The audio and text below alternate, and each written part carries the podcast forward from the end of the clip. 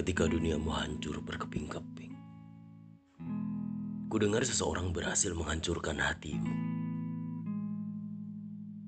Hampir saja aku yang terbiasa bertepuk sebelah tangan ini bertepuk dengan sambil memuji-muji karma.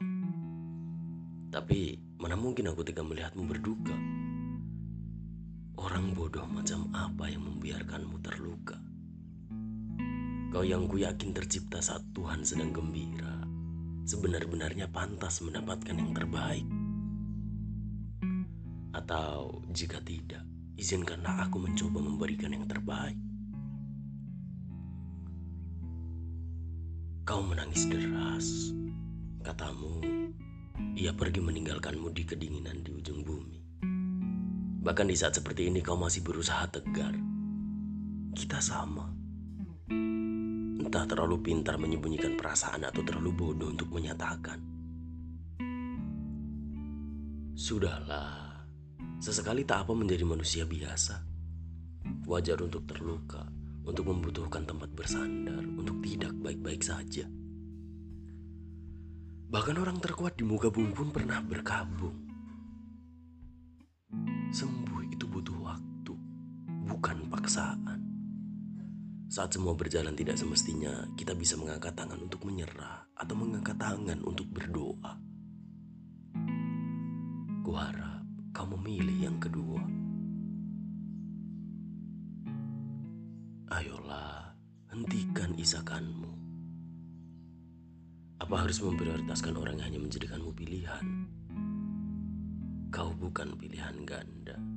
Dia bukan jawaban dan hidup kalian bukan kertas ujian bukan rezeki dia, tapi rezekimu untuk kelak dapat mendapatkan seseorang yang bisa memprioritaskanmu.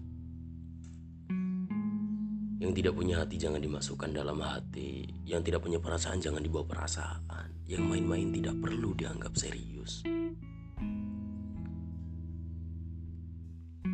Kalau kau sedang rapuh, simpan sejenak hatimu.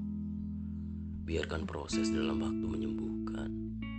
Perasaan memang tidak bisa diburu-buru tapi juga jangan berlama-lama meratapi seseorang yang tidak bisa menghargaimu. Dekatkan dirimu pada orang-orang yang membuatmu bahagia. Mereka lah yang harus kau jaga. Yang lainnya hanya menumpang lewat. Jadi, sebelum menoleh ke belakang, pastikan kau lihat seseorang yang menantimu di depan. Mengenang masa lalu bukan berarti harus mengulang kalau dia tidak bisa menghargai kesempatan baik yang kau beri, beri dirimu sendiri kesempatan untuk mendapatkan kisah yang lebih baik lagi. Karena orang yang benar-benar peduli akan menghentikan air matamu jatuh, bukan membuat air matamu jatuh. Ketahuilah, beberapa tangan melepaskan genggamannya saat hidupmu bertambah sulit, agar tanganmu kosong dan bisa digenggam oleh seseorang yang tak pernah melepaskanmu. Seseorang yang tepat tak selalu datang tepat waktu. Kadang ia datang setelah kau telah disakiti oleh seseorang yang tidak tahu cara menghargaimu.